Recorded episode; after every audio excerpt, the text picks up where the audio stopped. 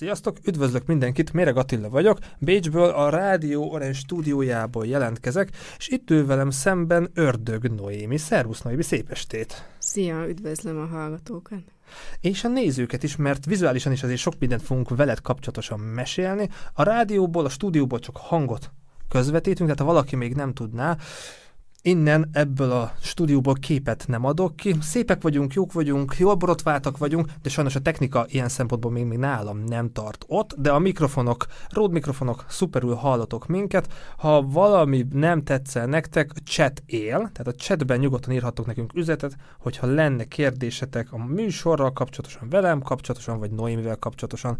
És Noémi, egy ilyen évet prób- van időnk, azt mondhatod, hogy ráérünk, igaz, te, te nem éjjeli bagoly vagy, hanem inkább pacsírta, de jó, kezdjük is ezzel, ez neked hogy jött, hogy általában a művészek azok éjjel szoktak alkotni, hogy te inkább korán kelő vagy? Szerintem azért, mert apukám nagyon korán kell, és megszoktuk a családdal, hogy vele együtt ébredünk, és reggel szoktam edzeni is. Tehát a reggeli után én rögtön megyek edzeni, és én úgy szeretem, hogy igazából még amíg E, ugye ebéd után olyan nehéz mozogni, és akkor inkább reggel szoktam, és így alakult ki az életrendje. És alkotni is kor reggel szoktál? Tehát van egy ilyen bevált bioritmus, mert mutatok a YouTube csatornádról például, amikor festesz, hogy van egy ilyen bevált metódusod, hogy olyan szoktál festeni, mikor szoktál festeni? Inkább délután délután szoktam elkezdeni festeni, úgy délelőtt ugye az edzés meg az administratív munka jellemző, délután pedig a festés, de még ezen belül is úgy 5-6 fele pörgök be nagyon, és egész olyan, akár 9-10-ig is el tudok festegetni. Ez a pörgés, ez tök jó, hogy mondod, mert ahogy így egy-két adást megnéztem veled, az egyik műsorban beszéltél arról, hogy valamikor, hogyha kell, akkor akár két hét alatt 10-15 festményt is meg tudsz csinálni, hogy ez neked ilyen szempontból adrenalin, szereted ezt, vagy ha szükség, meg van egy határidő, akkor nagyon fel tudsz pörögni, tehát egy milyen jellemző rád, hogy inkább nyugis alkotó vagy, vagy kell egyfajta druk, hogy oké, okay, akkor még jobban inspirál az? Én folyamatosan alkotok, pont azért, hogy az ilyen nagyon nagy nyomás alatt ne kelljen túlhajszolnom magamat, tehát hogy mindig legyen egy adott mennyiségű festmény, amit bármikor meg tudok mozgatni és ki tudom állítani, de van olyan, hogy kérnek egy, tudom, egy vására kisebb képeket, hogy szeretnének tíz kicsi képet, hát akkor viszont rá kell pörögni, igen, de ezt most nem mondom, hogy fölpörgök, hanem hát akkor intenzívebben dolgozok. Akkor ráfekszem, hogy ez az időben meglegyen, és alap, jobban beosztom az időmet, nem annyira Facebookozok, nem annyira um, pihengetek közben. Tehát, hogy azért úgy, ha, ha nem annyira ö, szorít az idő, akkor azért úgy el tudok social médián egy kicsit veszni, sajnos. Hát ihletet meríteni kell, tehát a fotóidban ezek visszaköszönnek, de még annyira ne szaladjunk elő a témáknál. Így, így érdekelne, hogy ez a tudatosság, akár, akár az alkotásban, akár nem tudom, ezt mennyire szereted a branded, tehát a, a, a, a Naomi Deville-nek a felépítésében, ez mennyire volt, mennyire tudatos, vagy mennyi, mekkora flow van ebben, mennyi, mennyi improvizáció? Már miben? Hát akár, akár a, a brandet, tehát hogy annó, amikor kicsi voltál, fiatal voltál, hogy az aláírásodtól kezdve egyik adásban mondtad, hogy az, vagy mondták, ezt már nem tudom, hogy te vagy, aki az adást készítette, hogy mennyire egyedi az aláírásod, hogy tök fiatalon lett, vagy tök hamar lett honlapot, hogy ez mennyire volt tudatos ezek a lépések, vagy ebben inkább, hogy jött, Ebbe kipróbáltad? szerintem, mert akkor kezdett el az embereknek otthon lenni kompjútere, akkor még ilyen asztali nagy gépek voltak, nagy képernyőkkel, és mi nekünk nagyon hamar volt internetünk, még úgy relatív a többiekhez képest. Ugye, hogy az osztálytársaimnak még nem is mind volt szerintem otthon. Számítógépe, nekem már egész kicsi koromtól fogva volt, és megszoktam, hogy, hogy van számítógép, és lehet még benne weboldalt is programozni én már nagyon korán megtanultam, hogy hogyan kell weboldalt szerkeszteni. Ez mit, hány éves voltál? Szerintem 14. Wow, 14. És akkor én rendesen kódoltam a weboldalamat, Persze azóta már sokkal komplexebb weboldalak vannak, vagy WordPress-be szerkeztem, meg jávás, meg tudod, abban én már nem nagyon tudok belenyúlni, mert olyan komplikált lett. De ilyen nagyon ö, alap, pont-pont veszőcske weboldal, valószínűleg ma is meg Valahogy el kellett csinálni. kezdeni. Igen. De elkezdted, és ez tök jótok. És utá- utána ö, a brand, nem tudom, ezt szót szereted, hogy brand, vagy, vagy így hogy, fogod, fo- hogy fogalmazod meg, mert elég sok mindent ilyen szempontból csinálsz tudatosan, hogy inkább művészként, vagy inkább vállalkozóként tekintesz magadra, ezt hogy fogalmazod meg? Ez is úgy igazából adta magát, hogy ahogy elkezdtem dolgozni a művészetben, vagy láttam, hogy ki hogy csinálja. És, és ki hogy ember- csinálja? Jól, rosszul? Hát vagy? most az, hogy jó, rosszul, még én is mindig, még, még mindig tanulok, még mindig követek el hibákat, de azért úgy szépen halad minden előre. De nyilván, amikor úgy, úgy elkezdi az ember nézni, hogy milyen, miket festenek művészek, hogy építik a karrierjüket, hogy nyilatkoznak, miket csinálnak hozzá, milyen katalógust, milyen szignót. Tehát, hogy úgy, úgy az ember úgy tanult, és ellestem ugye ezeket a trükköket. De azért te is valamilyen szinten amorf vagy, mert amikor fiatal voltál, akkor divat fele kacsingattál, de végül mégis el, elcsábított a festészet, az, ez a fajta alkotás, hogy ez ott egy ilyen éles váltás volt számodra, vagy, vagy elég egyértelmű volt, hogy akkor mi lesz az irány? Szerintem elég egyértelmű volt, mert ugye a Salzburgi Nyári Akadémián jártam a divat szakkörre, és ott hát azért úgy szembesültem vele, hogy ötleteim nagyon jók vannak, de hogy szabás mintát csinálni, meg megvarni, meg az, az viszont annyira nehéznek bizonyult, azok ilyen azokat több ideig kellett volna tanulni. Biztos azt is meg tudtam volna gyorsan, hogyha ráfekszek, de akkor az egy kicsit olyan, úgy éreztem, hogy, hogy a, a gondolataim és a megvalósítás közt ott olyan nagy szak, technikai szakadék van. A festészetnél viszont nagyon gyorsan ráhangolódtam, hogy hogy is lehet egy, egy négyszögletes vásznonképet alkotni, és nagyon örültem, hogy, hogy tök jó az eredmény, amit, amit csinálok. Tehát, hogy nem, nem volt ez a kicsit ez az akadozós érzetem, és valahogy ez a flow élmény úgy magával ragadott örökre. Totál megértem. Én is amúgy rajzból érettségiztem, és amikor mondjuk volt egy vízió a fejemben, és azt le kellett volna festeni, inkább a grafithoz nyúltam, tehát nekem a grafit volt igazán, amivel így nagyon jó Igen. barátságba lettem, és akkor ez így elfogadni, hogy hát, amit én a fejemben látok, az festészetben nem fog megvalósulni, azért ez én könnyen elengedtem, és neked ilyen szempontból ez egy mm, arcúcsapás volt, hogy oké, okay, akkor nem leszek divattervező, hanem akkor valami mást, valami újra kell fogalmaznom magamat, vagy ez ilyen pikpak, Teljesen megmondtad a válladat, és váltás volt, nem is gondolkoztam rajta valahogy. Elkezdtem festeni, és úgy éreztem, hogy ez az, megtaláltam. De utána később tanultam építészetet is, ahol ugyanez volt a problémám, hogy eltöltöttem azt hiszem négy évet az építés szakon, és utána négy év után úgy éreztem, hogy nem tudok semmit az építészetről.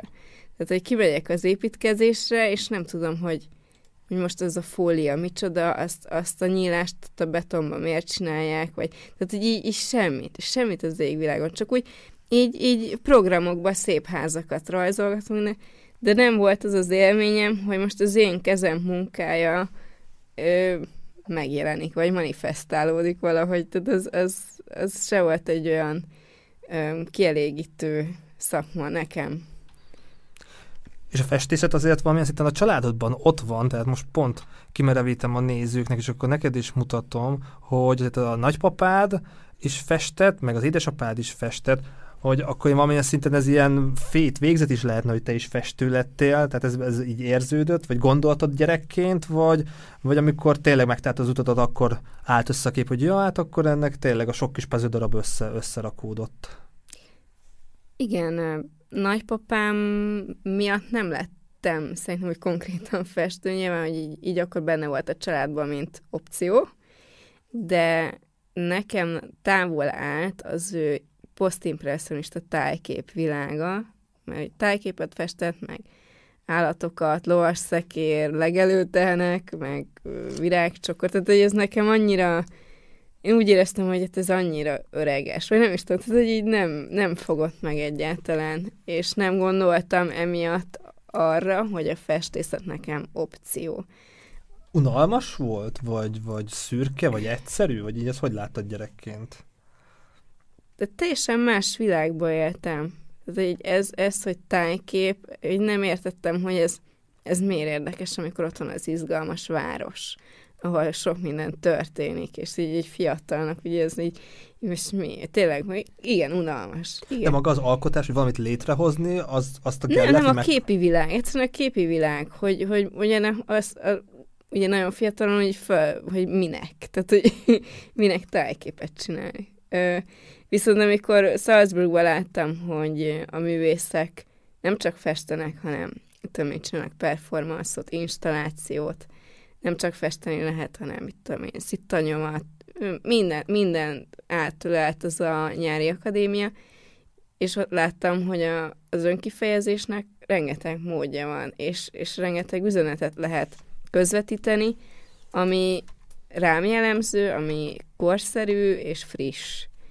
Ez még hozzájárult az is, hogy rögtön a nyári akadémia után mentem Londonba, és ott a Szácsi galériát megnéztem, a fiatal angol művészek kiállítása volt akkor, és az, az viszont már tényleg annyira kortás volt, annyira szerteágazó, és annyira sok üzenet, öm, közvetítési mód, hogy, hogy úgy gondoltam, hogy hát ez, ez tényleg az a művészet, ez, ez egy olyan világ, ami nagyon érdekes. És a szülei támogattak, vagy ó, már megint most valamit, valahova már fogsolj már le, vagy valamit fejezzé már be, ilyesmi volt a szüleid oldaláról? Én, én rögtön, a, rögtön az akadémiára vettek fel, én érettségi után felvételiztem itt Bécsbe. Rögtön fel is vettek, Adi Muntán és Rosenblum osztályába. És Támogattak, persze. Föl, apukám, ő, ugye eleve ő is egy művészlélek, úgyhogy abszolút támogatott. Ez amúgy nem feltétlenül szokott így lenni, hogy valaki meg inkább, ó, valami tisztes munka, meg hát tudja, hogy mivel jár a művész élet, de akkor nálad ez nem volt fent. Nem volt de meg. inkább anyukám részéről, hogy mert hogy ő, ő viszont a matematika irányában jön, a természettudományok, és ő nagyon gimnáziumban engem nagyon oktatott is matek, fizika, Meg biológia, kémia. Igen, utolsó két évben, ha emlékszem. Az amúgy miért jött, hogy magántanuló lettél?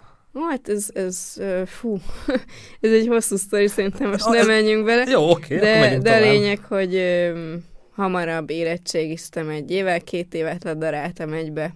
De ez akkor nyertél vele, tehát így vissza. Nyertem egy évet, aztán vesztettem talán többet is az, az egyetemekkel. Mert Ezt ugye, mondod? Hát ugye, mert a, az építészakot nem fejeztem be. Fú, hát sokan vannak De nyilván, itt, hogy elkezd... nyilván hogy, ugye azért sok minden beépül az emberbe. Pontosan, Tehát egy, egy építészeti pontosan. tudásom, egy, egy műveltségem, úgy mondanám, az van, mert hogy az összes elméleti vizsgát letettem, um, ilyen művészettörténetit, um, inkább ott a épületfizikai, meg ilyesmi volt a fönnakadás, statika. De miért fogtál bele? Tehát így mit akartál? Hát azért kezdtem el ezt mondani, mert hogy, hogy legyen tisztességes foglalkozásom. Oké. Okay. valahogy... ez, de ez magadtól jött, tehát nem ilyes um, De, de hogy, nyugdíj... hogy azért kicsit ott volt a nyomás, hogy valami normálisat is kéne tanulni, és akkor úgy gondoltam, hogy az építészet azért kreatív, és, és az egy relatíve jól, jól fizető valami. De aztán valahogy nagyon nem állt össze. Um, de egész sokáig egy, bírtad. Tehát. Igen, mert én nagyon-nagyon komplex és szerteágazó tudás az építészet. És van, voltak olyan részei, ami nagyon ment, mint a maga a design része, a művészettörténetet azt megtanulta az ember, inkább ezek a, hát az, hogy németül megtanulni az épületfizikát, a statikát, meg hasonlókat, illetve ugye jogot, építészeti jog. Na. Hát az, az maga, önmagában, vagy a, az anyagtan, ugye ö, ezer oldal németül, úgyhogy minden mondatát be kellett vágni. És, ö, és valahogy azt hiszem, hogy három hónapig reggeltől estig tanultam azt az ezer oldalt, hogy valahogy tudjam memorizálni, és és egy genőgendel átjutottam, tehát így pont átcsúsztam még, Tehát ez, azok úgy, azok húzós feladatok voltak. És, és valahogy az embernek úgy elment aztán a... Hát nekem elment a kedvemtől. De utána akkor belevágtál, és tényleg jöttek a sikerek, így a festi, meg a galériák, ösztöndíjak, tehát hogy a visszajelzéseket kaptad, és, és gondolom érzed most is, mert most is azért benne vagy, alkotsz, hogy az egy jó irány meg, meg nem baj, hogy nem lett építészmérnök. Hosszú idő volt, mire felépült ez a művészeti karrier, de úgy gondolom, hogy most már azért elég jól beindult, és, és egy biztos megélhetés. Van valami pont, amit úgy éreztél, valamelyik, a videó leírásában ott vannak, hogy milyen pályázatok voltak, vagy milyen ösztöndíjakat kaptál, hogy volt olyan pont, amikor azt mondtad, hogy hú, na jó, akkor így kezd be, megérni ez a gyümölcs, valamit ki tudsz emelni esetleg, nem muszáj galéria, pont, Nyilván visszajelzés. vannak nagy, nagyobb megérkezési pontok,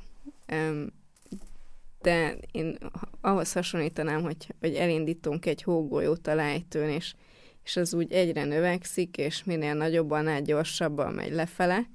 Tehát, hogy így, így valahogy a siker hozza a sikert.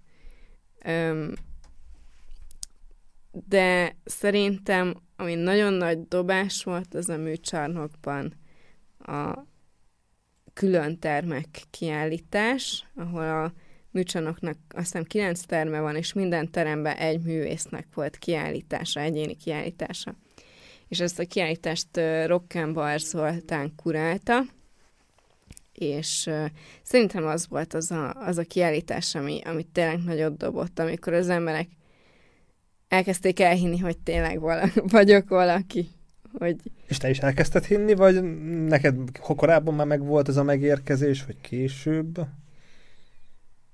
Szerintem ak- akkor, akkor azért az úgy önbizalmat is adott, és de nem is tudom, tehát valahogy ez is az az önbizalom, meg a hit önmagamban, ez is egy folyamat.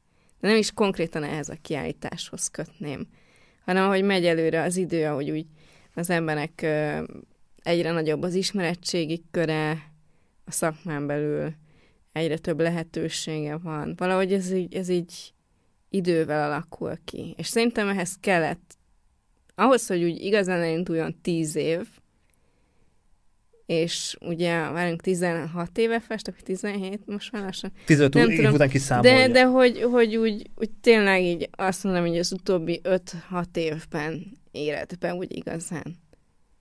Hát én is sok tehetséges embert ismerek, és nem feltétlenül lesz mindenki sikeres művész, sikeres alkotó, tehát, hogy oké, volt pár kiállítása, volt pár megrendelése, pár képét megvették, nálad meg, nem tudom, hogy számszerű például hány képet vették meg, az is egy nagyon jó visszajelzés, hogy így viszik a képét, nem azt mondom, mint a cukrot, de azért már sok képet alattál. Igen, de most is számszerűleg azt hát tudom, körül... hogy mennyit festettem. Nem tudom, hogy hány képet festettem, mert biztos több százat. Uh-huh. De hogy hány Emlékszem, amikor az első képedet kivette meg, tehát volt, van ilyesmi, vagy valami képet nagyon szereted, és Fú, hát olyan fájó szívvel adtad el. Első, első eladás, az még, hát az akkor tényleg nagyon kezdő volt. A első kiállítás egy kávézóban uh-huh. volt, belvárosban, Budapesten, valahol a Dezsőfi utca környékén. És egy nagy képemet elvitték, kemény 45 ezer forintért, de hát ez nagyon rég de, volt. Lehet, hogy nézzük, nem tudják, hogy az anyagköltség, egy keret, egy vászon, a fest... Hát akkor más, de más árak voltak, hát mennyit inflálódott azóta, meg, meg nyilván, hogy ez a szakmai plusz érték, amit most már kiküzdettem magamnak. Ez, ez a brand. A, a brand. brand, igen. Ez azért még nem volt meg. De akkor úgy örültem, De szép emlék, hogy... tehát most így beszélünk róla, így, így kedves emlék. Hiányzik, hogy hol az a kép, mert ki szerettem volna állítani a oh, műcsarnokban. Hoppa, hoppa. Felvettem a kapcsolatot a galeristával, ő már nem dolgozik, és kérdeztem, hogy kinek adta el, nem tudta megmondani. Én nekem is gondolna az ember, hogy micsoda ilyen Sherlock holmes kutatás kell akár, és akár nincs is eredménye ennek. Hát és van, hogy, hogy tényleg ilyen lappangó művek előkerülnek, mert én például most Finnországba nem, Svédországba került elő egy 2005-ös képem. Ez véletlenül, e, vagy kerested? Igen, az új tulajdonos fölkeresett, hogy restaurálni kéne, mert így ragaszgattam rá ö, pirulákat, gyógyszereket a festve vászonra, Uh-huh. ö, levegőn száradó gyurmából, és ebből kettő leesett, és fölkeresett, hogy most tudná megpótolni. Ez nagyon, ez tök kedves, vagy tök jó sztori, hogy így. Igen, Hova tehát jutott? így, így tényleg, hogy, hogy hogy került oda a kép, és tehát így teljesen szürreális, és hogy Van még ilyen szürreális sztori, amit így tudsz, hogy még nem tudom, Japánba, vagy bárhova így elkerült, vagy hallottál róla? e, volt olyan kolléganőm, aki meglátogatta egy ismerősét Tokióban, Op, én csak poén volt, hogy Japánt mondtam, de ez nem, nem volt. És azt mondja, hogy itt van a képem a falon. az ismerősnél, Nice. igen, mert hogy az ismerőse viszont Bécsi volt, és Bécsbe vett képet, még nagyon régen, kiköltözött Tokióba, felakasztotta a képet a lakásában, és ismerte a barátnőmet Budapestről, és ő mondta, hogy itt, itt alszik a képem alatt.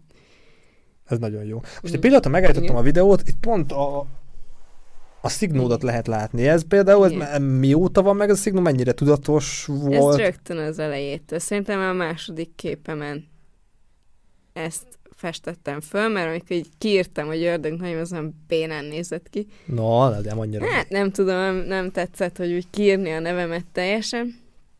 És akkor úgy valahogy rögtön jött ez az ötlet, hogy eleve azt, hogy Naomi Deville-ként nyomuljak, mert nem tudták Bécsbe kiejteni az ördögöt, akkor gondoltam, hogy akkor kicsit akkor fordítsuk le angolra, akkor már mindenki érti. Ami nekem is szoktak így röhögni, akkor mondom, hogy hát amúgy Gift vagy Poison a, a család nevem.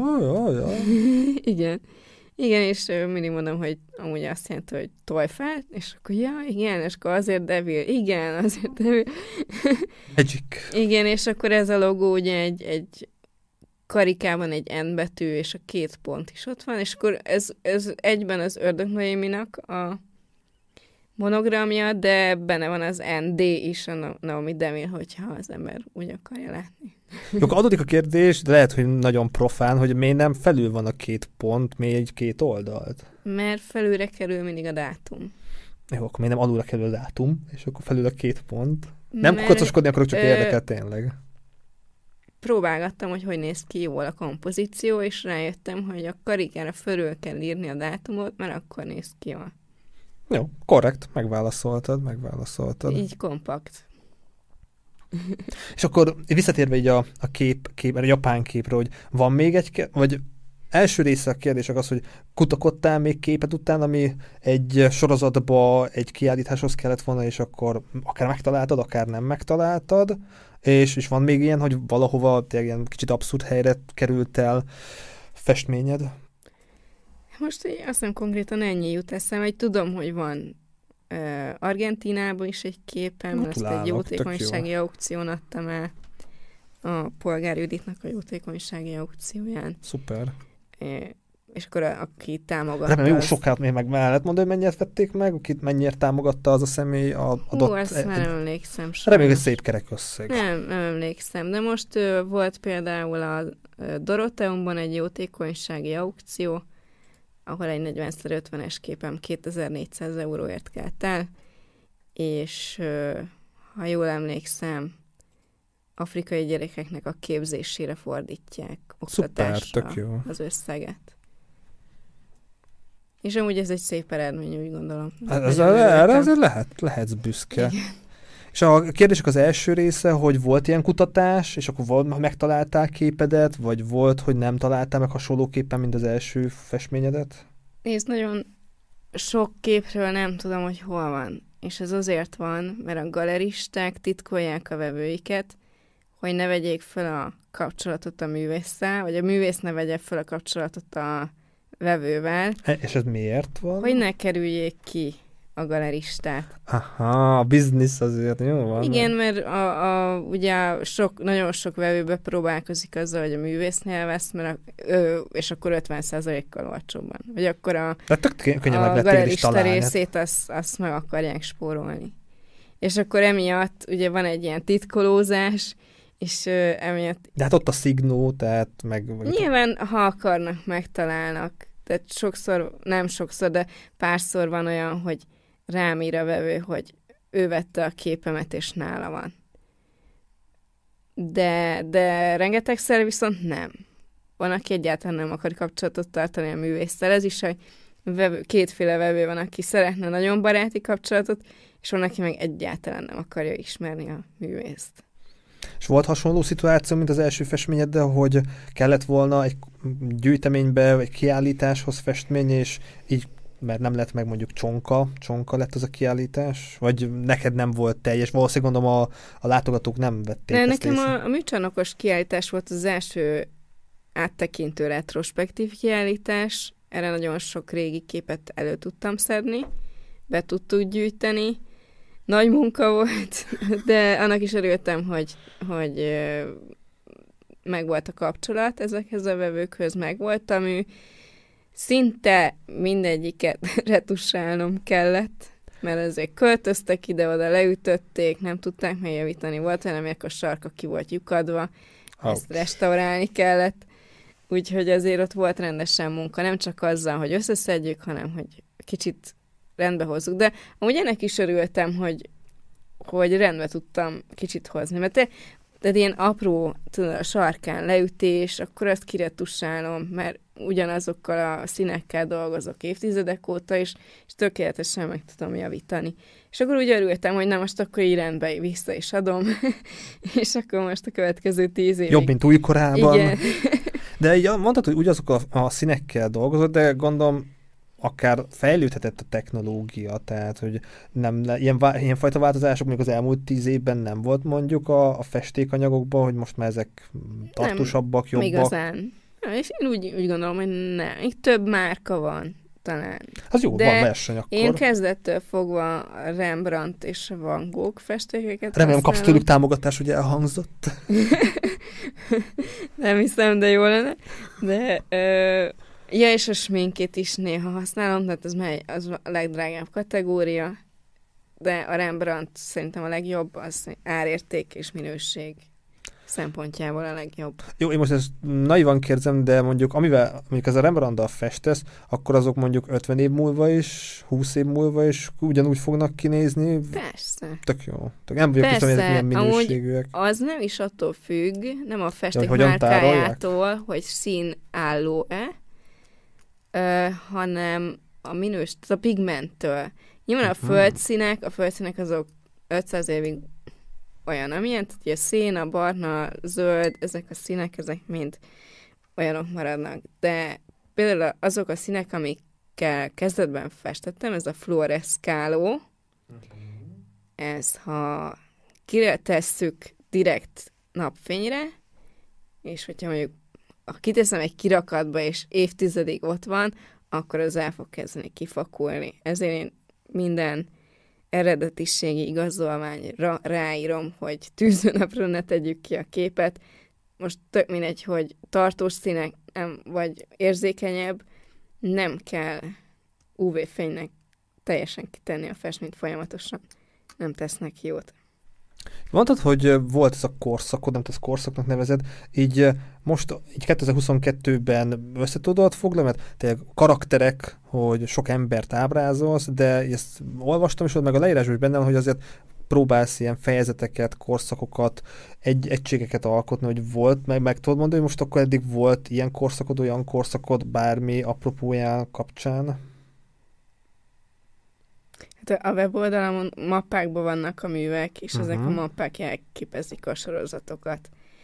De talán még korszakot is felosztanám, hogy amikor elkezdtem, akkor fiatalokat festettem, és ezeket a nagyon harsány színeket használtam. Utána jött egy időszak, amikor nem embereket festettem, hanem kirakat babákat, robotokat, tehát ilyen élettelen emberi alakokat és utána önarcképeket, az is egy, az egy külön sorozat, és szerintem utána jött az, hogy elkezdtem régi festményeket felhasználni a munkáimhoz. És most tulajdonképpen azóta ez a sorozat tart, viszont ez ennek vannak különböző ágai. Mindig más, hogy értelmezem újra ezeket a képeket, tehát hogy ez most a fő téma. Hát engem nagyon érdekel, hogy saját magad, az mondjuk a klasszikusoktól jön, hogy Van Gogh is magát festette, vagy valaki megiklette, hogy például az a szekciója a, az utadnak, a pályafutásodnak, az hogy, hogy talált meg, vagy hogy jött? Hogy az önarckép sorozat. Uh-huh. Hát ez, talán ez önkifejezés, tehát igazából mindig úgy, úgy terelgettek az akadémián is, meg otthon is a felé, hogy hát a külvilággal kell foglalkozni, az emberiségre kell reagálni, a szociális problémákra. De mindig úgy, úgy a külvilág, a külvilág, és akkor egy kicsit így elegem lett belőle, és olyan tudtam, hogy én most kicsit így a belső világommal szeretnék foglalkozni, és ez a sorozat jött ki belőle. Ami szerintem egy, egy teljesen más hangulatú az előző sorozatokhoz képest, és tényleg megmutatta, hogy akkor milyen lelki folyamatok játszottak bennem. Én a csatornán szociális témákkal, környezetvédelemmel is foglalkozok, és számomra nagyon fontosak ezek a témák. Neked volt olyan téma, amit, ami nagyon foglalkoztat, és, és kikívánkozott belőled, és meg is alkottad? Nem tudom, mondjuk hirtelen lehet, meg is tudom mutatni, elő tudom keresni, hogy voltak olyan témák, festmények, amik így megvalósultak? Ilyen uh, szociális... Igen, vagy aktuális, ami téged foglalkoztatott. Ami politikai volt, az a covidos sorozatom. Uh-huh, azt már látják a nézők. sorozat, az azt szerintem nagyon jól sikerült. Beszéltünk a róla, azt téged, téged mennyire, nagyon... mennyire ütött meg a Covid helyzet, akár inspirált, vagy akár pont az, hogy a franc hát engem, vagy... engem nagyon inspirált, és, és tudom, hogy ö, olyan sorozatot alkottam, amire nagyon pozitív volt a visszajelzés, ö, főleg a két ö, bevásárlós festmény, ami, amin az egyiken egy doboz tésztáért verekedik, verekedik két férfi, és van egy másik, ahol egy utolsó guriga WC papírért nyúl egy, egy másik alak, tehát ez a, ez a két kép, ez, ezt annyira szeretik. Ja, meg a gyöngyfőbevalós lányt maszkban, ez a három kép, azt hiszem ez, ez a fénypontjának a sorozatnak, és mindenki Ezek még nálad vannak, vagy már... El... Nem, nem, ezeket azonnal, Mind... azonnal lecsaptak rá a gyűjtőim. Van, a, van pár nagy gyűjtőm, Az aki folyamatosan figyel. És, mondjuk egy szám szerint van mondjuk öt, akinél van mondjuk fejenként tíz darab, csak hogy most így el tudjuk képzelni számok szerint. Van, van, én most nem tudok pontos számokat sajnos, uh-huh. de, de vannak gyűjtőim, akik folyamatosan figyelnek, és Hát ők már mondhatni Patreonjait, vagy támogatóit. Igen, persze, én nagyon kedvelem is őket, jobban vagyok mindenkivel. És jönnek megrendelések is amúgy tőlük esetleg, vagy másoktól? Nem, ő, ők azt, azt veszik, amit. Tehát, hogy figyelnek, hogy mit csinálok, és hogyha van olyan, ami tetszik. Szerencsére, hogy mindegyiknek más az ízlése. Tudom, szinte már tudom, hogy melyiket ki fogja megvenni előre. Mert tudom, hogy az egyik szereti ezeket a beütősebb témákat, de van, aki meg azoktól pont írtózik, és a kellemeset szereti, ami szép és jó. És neked az, hogy mondjuk valamelyik képedet tök könnyen, vagy tök gyorsan elviszik, hogy uh, repróz magadat, ez így felmerült ötletnek, vagy hogy leglegyen magadnak is, mert lásd mondjuk nehéz újra megtalálni. Ilyen szempontból egy reprónak van létjogosultsága, mint ötlet. Mert... Nyomatnak? Hát, vagy ké- kétszer megcsinálni. De persze nem lehet ugyanúgy megcsinálni, csak hogy mondjuk eltűnik. Ó, nem, nem... ne, hát ez a kétszer ugyanazt megfesteni, ez Tudom, tudom, tudom, csak hát amikor meg nincs Nem, meg... mert amikor egy, egy vevő megvesz egy művet, akkor egyedi alkotást szeretne vásárolni. Ugyan vannak művészek, akiknek nagyon hasonlók a képei, tehát az embernek az a benyomás, hogy megnéz, megnéz tizet, hogy nagyjából ugyanúgy, ugyanúgy nézett ki az összes. Nem, ez azért nem így van, hogy mindegyik egy egyedi műalkotás, és a vevők ezt szeretik. Ők egyedit akarnak hazavinni. Volt már olyan, hogy rendelésre egy régebbi képet más színálásban megfestettem, és utána a vevő meglátta a katalógusba, hogy Ups. hogy igen, hogy van még egy Na hát akkor az nem volt szerencsés, de végül is megoldódott, nem volt ezzel probléma. Vagy elé menni, megkérdezni a vevőt, és hogy ő mit szól hozzá, mert lehet, hogy valaki persze, persze, persze, de valaki meg azt mondja, hogy nem, tehát mondjuk egy kérdés megtenni, ez ügyben mit szólna hozzá, hogy van egy ilyen felkérés, akkor megmondja, hogy inkább ne, vagy persze nyugodtan, szabadon. É, hát én igyekszem azért nem, nem reprodukálni magam, Vannak, csak, csak ötletnénk ugye van, de, de vannak sorozatok, ami, amikbe ugye, mit tudom én, a tájképportré, hogy az egy alap ötlet, és annak több variációja van, de mindegyik kép azért egyedi. Ö, és van, mint a covidos sorozat, hogy tényleg minden, mindenképp teljesen más, és, és reprodukálhatatlan, nem? Totál megértem, hogy mondasz, csak amikor lásd, nincs meg a festmény, az meg olyan, mm, de kár, meg de jó lenne, hogyha meg lenne, tehát mondjuk Hát ez, ez viszont már az utókor feladata minden híres művésznél, aki tényleg uh, akit megőriz a történelem, aki a rostán átjut. Hát de látod, ott van. Ukrajnában egy háború, az ki tudja, ott is mennyi minden megy a levesbe, mert háború, Háború van. egy csomó minden elpusztul természetesen, vagy ellopják, ugye tömegesen. Ö, második világháború is rengeteg mű került elő bányákból, Salzburg környékén, meg hasonlók, ugye? Öm, ez, ez úgy gondolom, hogy ez hozzátartozik, hogy vannak lappangó művek. Vannak, és lesznek is. Tehát, hogy így, így soha nem fogom tudni. Tehát van olyan gyűjtőm, akihez volt kapcsolatom, de hát nem gyűjtővevő, de és meghalt. Ó. És nem tudom, hogy ki örökölte. Ráadásul nem is kisember. Tehát, hogy így, talán még a gyerekei is valamennyire híresek, és meg lehetne őket találni. De még nem, nem vettem fel a kapcsolatot, mert nem akartam most ilyen gyászjelentés után rögtön kérdezősködni, hogy és amúgy hol a képem, hova került. Majd, ha szükség lesz rá, akkor... De akkor ez, ez feladat, meg munka, hogy ezzel foglalkoz.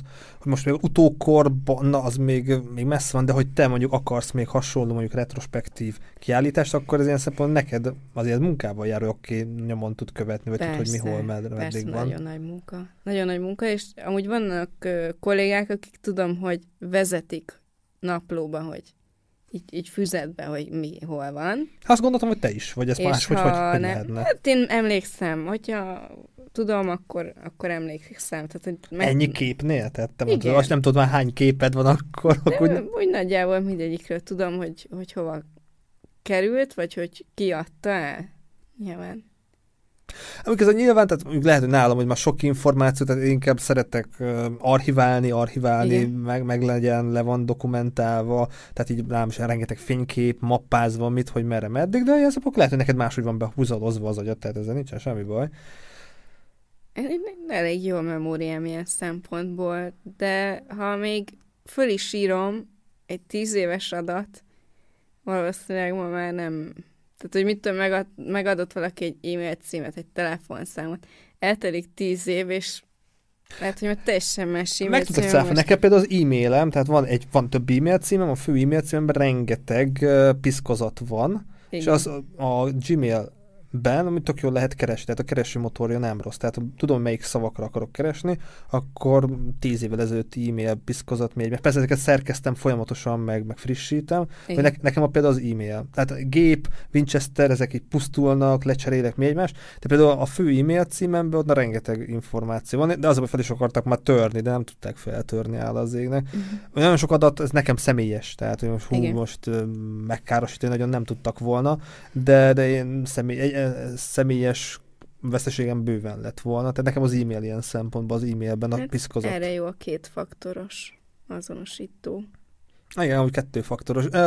Most ebben nem akarok belemenni, tehát egy kódot kiszedtek valahonnan, egy nem tudom, könyvtárba beregisztráltam, és ahhoz hasonló Ja, kódom értem. volt, és akkor hello, hello, tudjuk a kódodat. Mondom, Tudom, hogy nem tudjátok, de nagyon, az elég több karakter tudtok belőle, Uh-huh. és akkor megváltoztattam egymást, de hogy kettőfaktoros, tehát a telefonom is kell hozzá. Igen, nekem is mindenhez kell a mobil belépéshez, mert mindenhol beállítottam a kétfaktorost. De ez ilyen szempontból szuper. De uh, arra nem mondtad, hogy körülbelül hány gyűjtőd van? Tehát nem mondta egy számot. Tehát arra tudsz mondani egy számot, hogy hány gyűjtő van, gyűjtőd van, akinél mondjuk nagyobb mennyiségű festményed van? Ami nagyobb, három. És utána vannak a kisebbek, akik két-három kép, Uh-huh. egy. Akkor két-három Igen. képesekkel együtt, akkor egy ilyen tíz, tíz fő? Fú, hát ezt így nem tudom. Hát te mondtad, hogy sok mindent fejbe tartasz, most nem kulcs, akar... kulcsfontosságú emberem szerintem a három. És utána vannak, akik jönnek, mennek néha. De Volt így azért ennyire nem jó az emlékezetem most. Én nem akartam Hát, falhoz állítani, nem, csak én magamból nem. indultam hogy én nekem például ilyen szempontból nekem például a fotók, hogy a gyerekkoromban nem sok fotó készült, és ugye a tinédzserkorom, gimnázium, főiskola, ott már egyre több jöttek a kütyük, nekem is volt, és Igen. tök jó, hogy vannak fotók, videók, még nem is nagyon, de tudod, egy csomó minden eszembe jut, hogy megvan a fotó, rá tudok nézni, és valószínűleg gyerekkoromban is így lenne, de hát az agy azért törölt, tehát nem tudunk mindenre emlékezni, de ha mondjuk lennének fotók, lennének adatok, akkor ez elő lehetne bányászni. Tehát én ilyen szempontból az archiválás, dokumentálás, tehát én is a fotóimat mi egymás mappázom, mappázom évek szerint mi egymás, hogy nekem az ilyen szempontból ez ilyen fontos, meg hogy átlátható legyen ez a kicsi káoszom, pedig tényleg nem vagyok egy fontos ember, csak hát sok adatot kapok, sok adatot készítek, tehát naponta nem tudom, csinálok 50 fotót, mert Bécsbe Mhm. jövök, megyek bringás futárként, ma is videóztam GoPro-val, szerintem lazán egy ilyen 30-40 perc, tehát ezeket mindet, mindet így kategorizálni kell, rakni kell, archiválni kell, tehát nekem ez ilyen szempontból ez minden nap, hát ez egy ilyen fél óra, óra munka, biztos, hogy mindent így Igen? pakolgassak. Igen, hát nem tudom, én, én csak a... Te is művész lélek vagy, de azt mondod, látod? Én, én nekem elég az adóbevallás, hogy az gyűjtögessem, és semmi másra nincs kapacitásom, hogy itt nem most még mindent archív. Persze nyilván a képeket is ugye fotózni kell, adatokat hozzáírni, izé. de azért azt is kicsit hanyagolom, tehát azt is úgy évente nekiülök, hogy na most akkor minden képet digitalizálni, és hozzá... Ezt nem azonnal digitalizálta? Megvan a festmény, és De, akkor... de azonnal digitalizálom, csak inkább azt, hogy egy külön Word-be tehát a- átnevezni a fájlokat, hogy számozva cím, méret, izé minden hozzá legyen írva, illetve a, a Word dokumentumot hozzá, amiben szövegesen vannak ugyanezek az adatok. De nekem ehhez mindig egy évnyi energia, hogy, hogy hozzá, tehát hogy összeszedjem magamat, hogy ezt most meg kell csinálni. Úgyhogy az, az mindig úgy évente egyszer. A munka, munka, de érdemes szerintem, meg, meg tudod, hogy öregszik az ember, meg, meg felejt az ember, meg mi egymás, meg ja, ez, ezek között érdemes, érdemes mindenképpen foglalkozni. És akkor nézve így a, a digitalizálás, meg te digitálisan is azért nagyon sokat uh, dolgozol, hogy neked a digitalizáció, a laptopod, az mennyire fontos, mekkora mankó, így mutattam is képet, hogy sokszor azt így használod, uh, nem tudom, draftnak, vagy mi a jó szó rá, hogy a digitális uh, eszközök azért neked is fontosak. Persze, persze, hát a képtervezés az nekem mindenképpen kell. A digitális, a 3D szoftver, Nem is szoktál, nem is szeretsz a nélkül, tehát ilyen előkészület nélkül festeni? hát így a semmiből nem állok neki festeni. Tehát, ha nincs Az mit gondolat, kérdés a semmiből? Mit, mit képzelsz?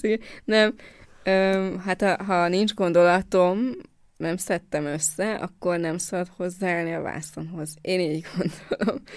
De vannak művészek, akik ugye absztrakt festők, akik, de ahhoz is kell amúgy nyilván egy öm, teor- teoretikus háttér, hogy miért azt az absztraktot csinálja. De én, mint figuratív festő, én, én pontosan tudom, hogy mi lesz a vászon, ha kész lesz. Már előtte, amikor elkezdem.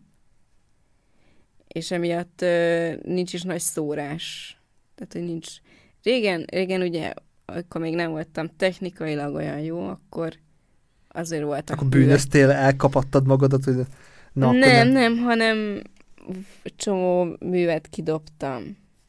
Ez Tehát, hogy- pazarlás, ú, egy jó helyen Hát mondod. jó, csak jó, hogy volt, hogy lealapoztam újra, de akkor már vastagabb az alap, akkor már nem tudsz olyan képet ö, festeni rá, ami lazúros például. Öm, de, de volt, régen sok művet megsemmisítettem, mert technikailag nem volt jó. Nem az üzenetével volt alapvetően probléma, hanem a kivitelezéssel. Most már azért vagyok annyira profi, hogy hát szinte évente egy-két művet megsemmisítek. Mert úgy gondolom, hogy nem Le, úgy legyen már meg az átlag. Igen. Igen. Hát van, van ami, amire valahogy, amikor megtervezem, akkor úgy gondolom, hogy hát ez tök jó lesz, aztán megfestem, és fú. nem állt össze, vagy, vagy valami miatt nem is tudom. Van, hogy egyszerűen nem, nem érzem aztán azt, hogy ez egy jó kép. Sőt, azt, azt gondolom, hogy rossz. És akkor lefeszítem, megsemmisítem, és újra hasznosítom az ékrámáját.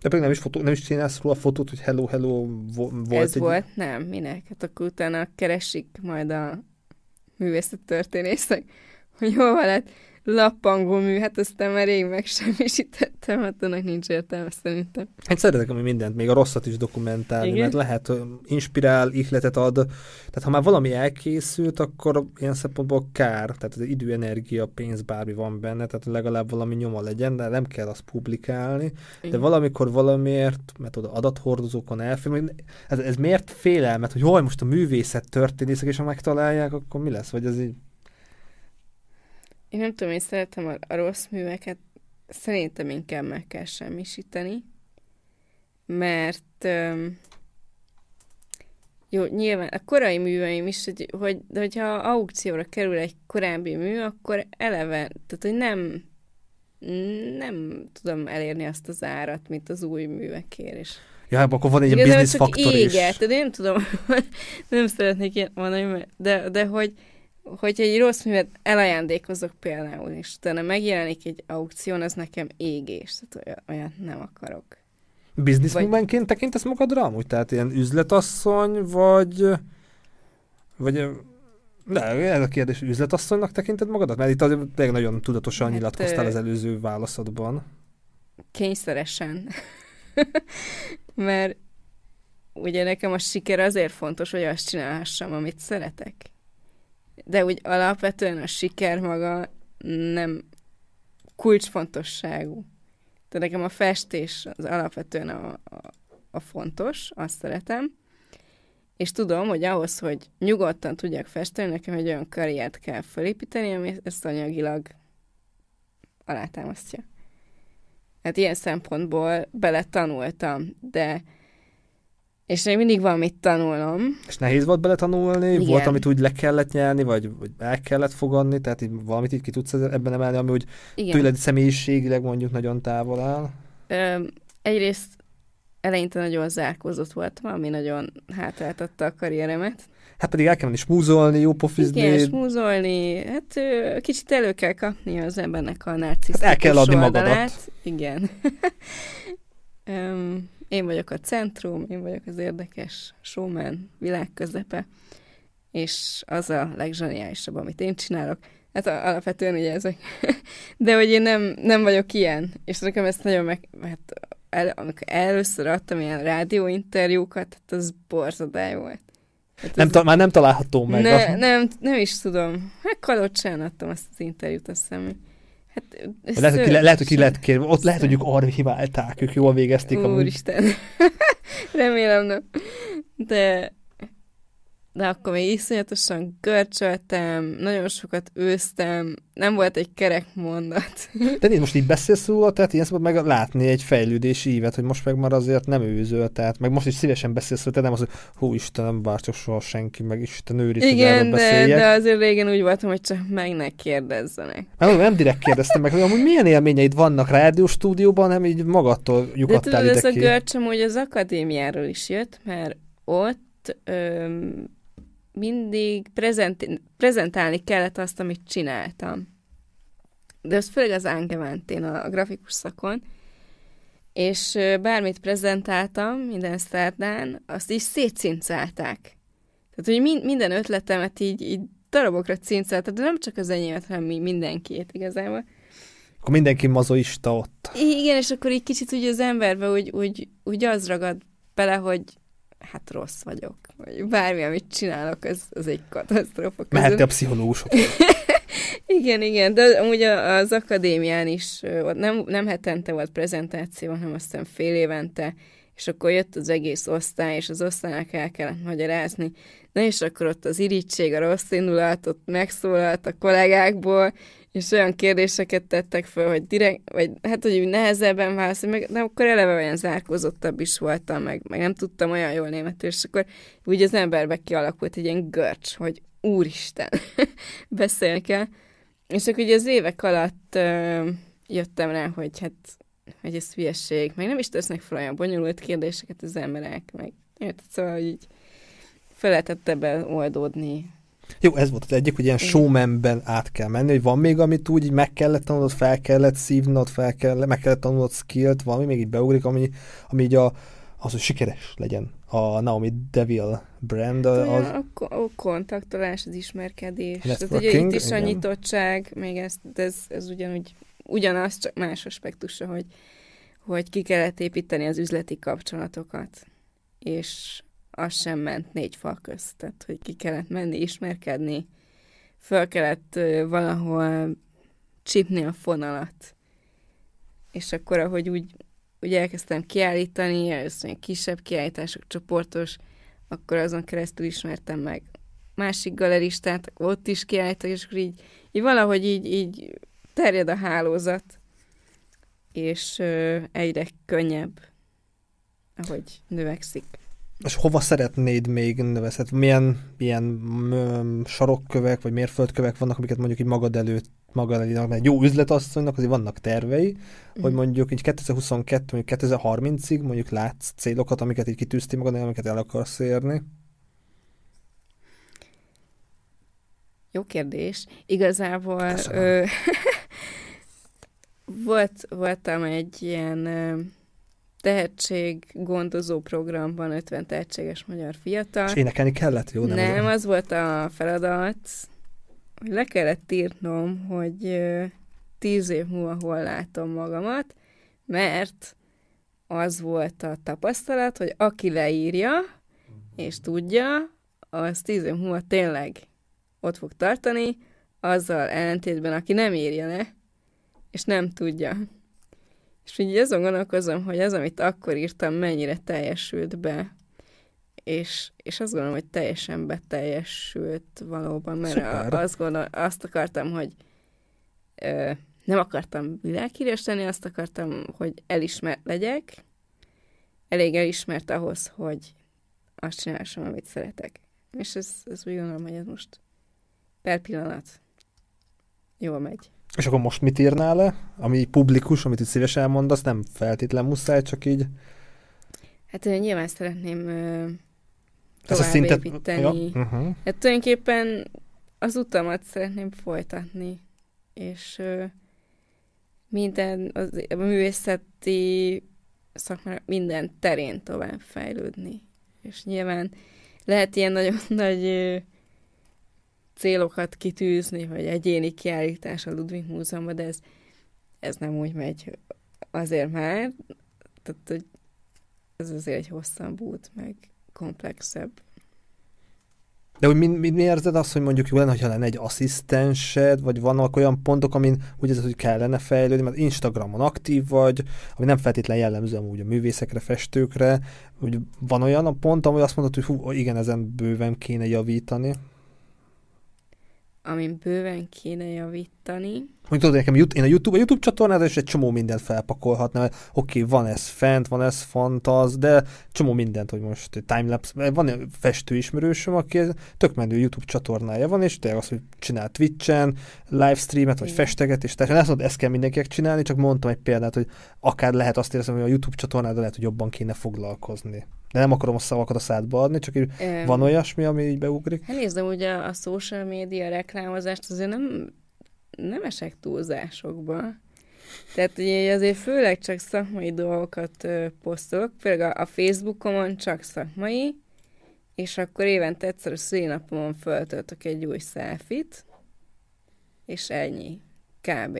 Semmihez nem szólok hozzá, nem politizálok, nem, nem trollkodok, semmi. Tényleg le van redukálva a szakmaira. És a Instagramon viszont posztolhatnék többet, mert igazából ott, ott nagyon sokan figyelnek, és, és onnan többször jött érdeklődő. Azt, azt szerintem érdemes csinálni amúgy. De hát az is munka, tehát ott is akkor Persze, nem persze. mindegy, hogy mikor, mit, ott is ríleket, most a rílek azok nagyon jól futnak, tehát e- ezek is plusz munkák, amivel lehet, hogy nem te akarnál foglalkozni, amikor van egy asszisztensed. Ja, De- hát ilyen social media menedzsert, hát nem tudom. Nem tudom, hogy ez annyira fontos. Hát te mondtad, hogy pont, hogy volt onnan megrendelés, tehát hogyha még jobban ütitek, Jó. akkor meg lehet, hogy még több. Még jobban ütni. Elképzelhető. Hogy most adtam egy jó ötletet. I- igen, igen, hát nem, egyedül tényleg nincs kedvem megbízni valakit lehet, hogy lenne értelme valóban. De ugye a honlapoddal elégedett vagy, a YouTube-bal is, hogy ez lehet egybe social médiának venni. Tehát ezek, ezeken érzed azt, hogy valahol, nem tudom, hogy új honlap már át, most csak mondtam valamit, de nem konkrétan, hogy... De a honlapom elég lassú, mert jávás. Azt a, akkor vettem észre, amikor elkészült, hogy nagyon lassú. Azt gondoltam, hogy majd lecserélem.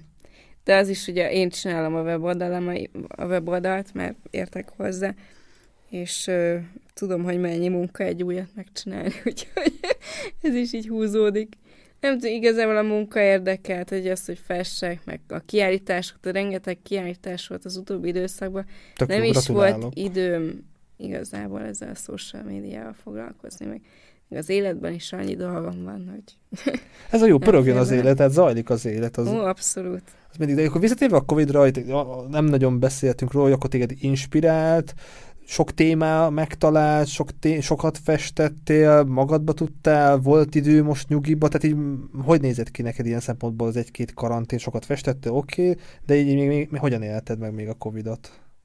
Be voltam zárva teljesen, de ez nem volt szokatlan, hiszen nem hűvészem úgyis a négy fal közt alkot, tehát hogy én én az egész életemet így élem le, ugye. Egész egy nagy Covid. Igen, egy egész egy, egy nagy karantén. Amúgy hogy... ezt a terhes ismerősök, vagy a kisgyerekes ismerősök mondták még, hogy amúgy nekik is ilyen szabad nagy különbség nincs most, hogy oké, karanténok nem, mert van. hova menjen az ember. Tehát, hogy tényleg, ha, ha dolgozni kell, akkor így leülök otthon, és egész, egész nap festek.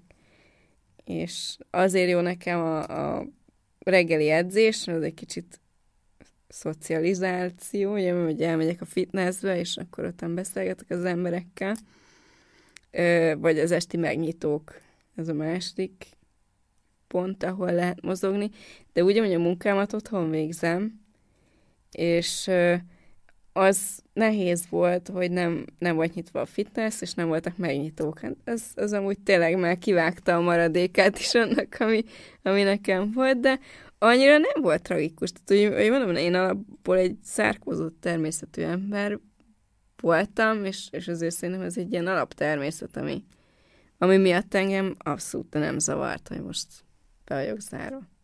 És akkor láttunk pár képet, többen mondtad, hogy el is adtak, hogy sok-sok képet készült, sok, sok ihletet kaptál ez alatt a Covid alatt. Covid ami... alatt szerintem háromszor annyi képet festettem, mint úgy amúgy.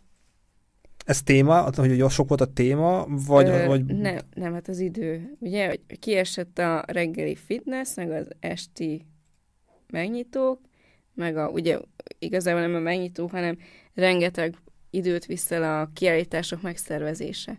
És nekem tavaly, azt hiszem, hogy emlékszem, ami 15 kiállításom volt. Az sok. Tehát volt olyan hónap, ami, amikor több is volt és idén is eddig... nem sajnállak, tehát eddig mind, köszönöm, de idén is eddig minden hónapban egy vagy két kiállítás volt. Sem emlékszem pontosan mennyi, de ezek rengeteg időt elvisznek. Ja, az adminisztráció, a képcímeket összeírni, cetliket megcsinálni, árlistát megcsinálni, mindent lekommunikálni, odaszállítani, installálni, megnyitni, itt, itt, rengeteg idő, és emiatt mivel a Covid alatt ez így kimaradt teljesen, hát a teljes aktivitás ugye, az, az megszűnt, és csak a festés volt, ami szerintem egy nagyon produktív és jó időszak volt.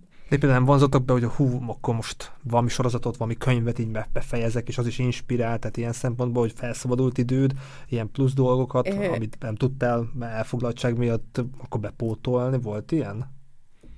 festés közben folyamatosan hallgatok valamit, vagy dokumentumfilmet, vagy valamilyen előadást, művészettörténetét, pszichológiát, bármilyen, bármilyen. Tényleg már annyiféle csatornán néztem mindenféle előadást, meg történelmi dokumentumfilmet, hogy, hogy szerintem ez is tágítja a horizontomat, és valószínűleg beépül a művészetembe. Um, volt, ami meghatározó volt? Tehát így ki tudsz emelni olyan dokufilmet, könyvet, podcastet, ami meg is ihletett, vissza is köszön? Hát nyilván hallgattam Joe Rogan-t, ez érdekes volt. Szerintem már nem minden podcastja volt érdekes, de azért jó párat meghallgattam, és tetszett. Akkor Covid alatt nagyon fölfudott a Peterson, ugye is nagy akkor ilyen nagy botrányok voltak körülötte, és fölkapták. Um, de igazából a művészeti, a BBC-nek a művészeti videóit néztem, azok mind nagyon informatívak és inspirálóak, illetve a most elfelejtettem, a, volt egy amerikai művészeti sorozat,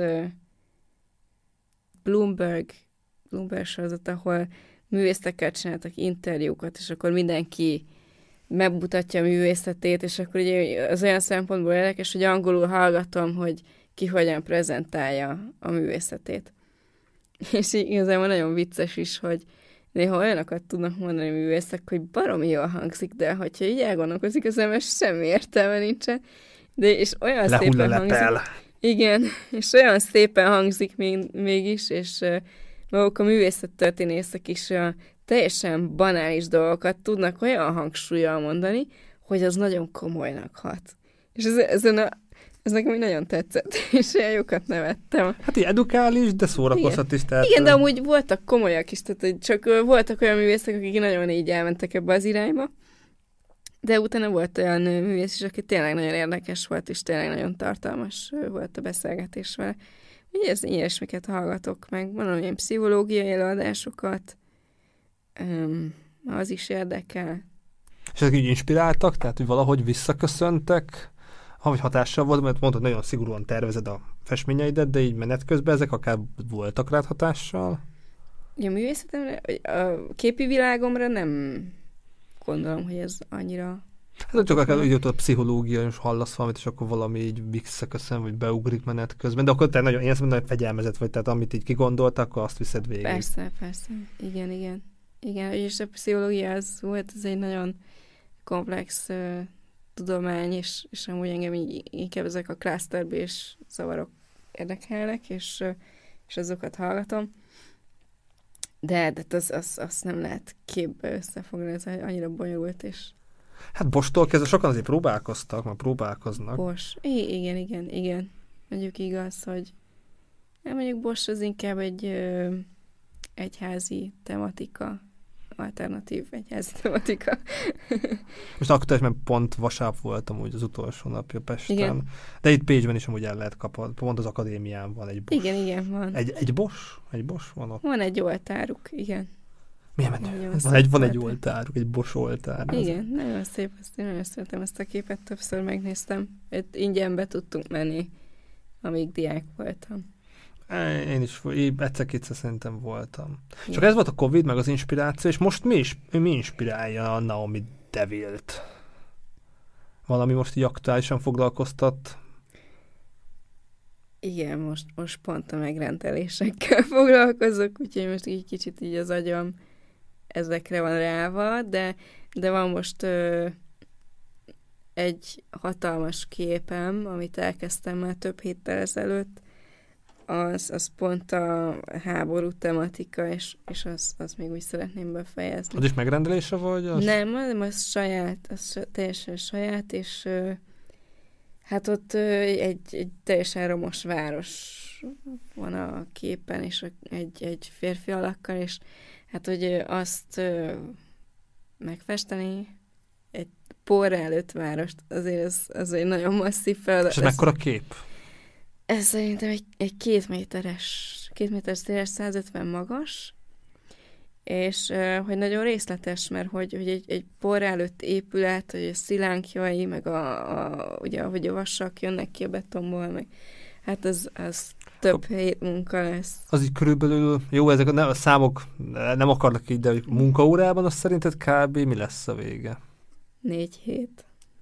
Jó, akkor napi Négy 8 hét. óra? Most mondod, hogy akkor... I- igen, igen. Hát most, a- de úgy lehet, hogy ö, elkapok egy olyan ecsetkezelést, te- technikát, amivel föl lehet gyorsítani, hogy nem, hogy nem kinyálazom, úgymond, ahogy ezt is szakmában szoktuk mondani, hanem, hanem valahogy egy expresszívebb móddal majd lehet, hogy gyorsabban ki tudom találni, hogy hogy lehet gyorsabban megcsinálni.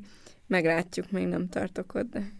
Meg ezt uh, olvasom, hogy egyszerre akár 5-6-8 képen is dolgozol, akkor most is így paralel. Nem, nem, ez, ez, ez annyira részletes és annyira nagy, hogy ez... Akkor most jelenleg ebbe Mire vagy, egy ebbe vagy részletet benne. megfestek, dolgozok másnap, még harmadik nap is másik részén dolgozok, akkor már negyedik nap visszatérhetek az első réteghez. Tehát nem, nem kell várnom a rétegek közt. Egy kisképnél, ami egyszerűbb motivum, ott, ott nyilván ott hamarabb készüljök, akkor várnom kell, hogy megszáradjon egy réteg. És amíg szárad, addig másikon dolgozok, és valóban, amikor alapozni kell, az alapozási réteg a leggyorsabb, akkor egy nap lealapozok nyolc képet.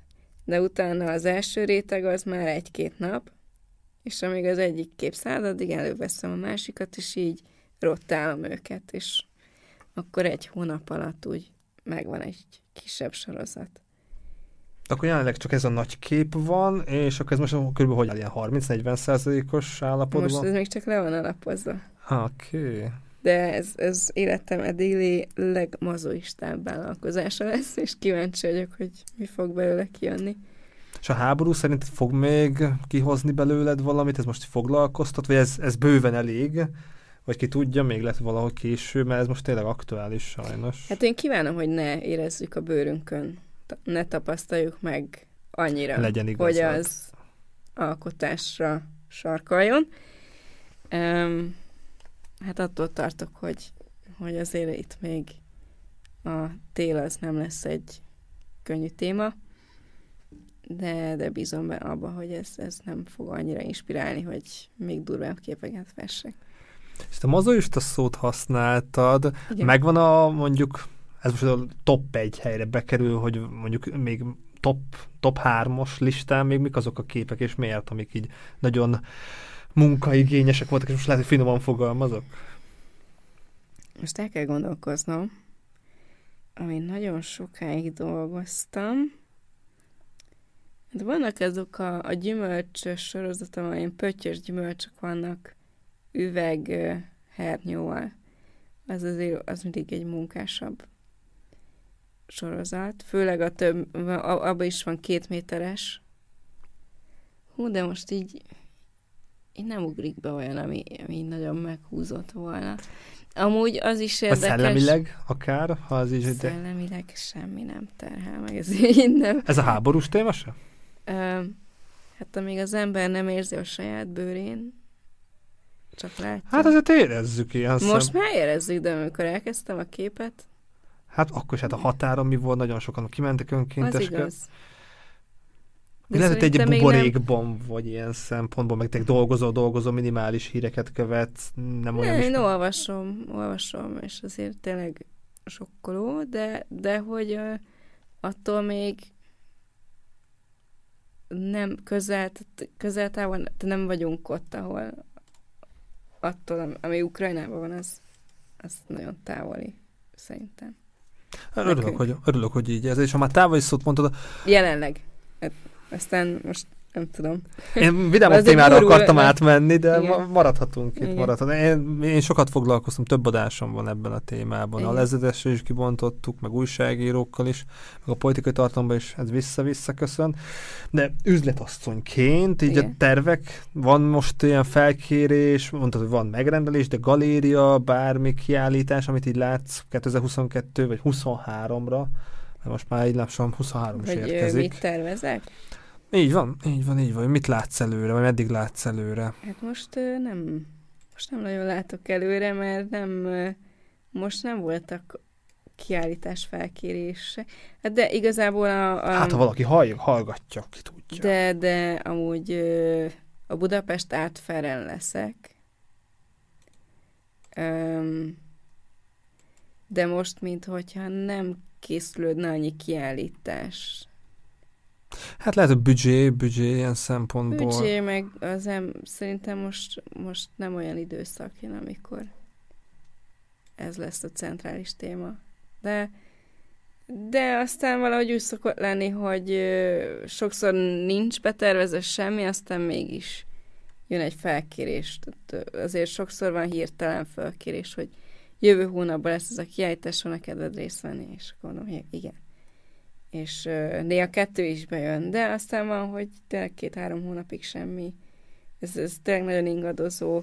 És mindig ilyen jó munkabírású voltál, vagy ezt is így menet közben kellett, hogy a brandedet építs, meg minden magasabb szinten, hogy akkor bírni, bírni kell, mert valamikor van határidő, tolni kell, ez mindig is jellemző volt, vagy menet közben alakult így ki?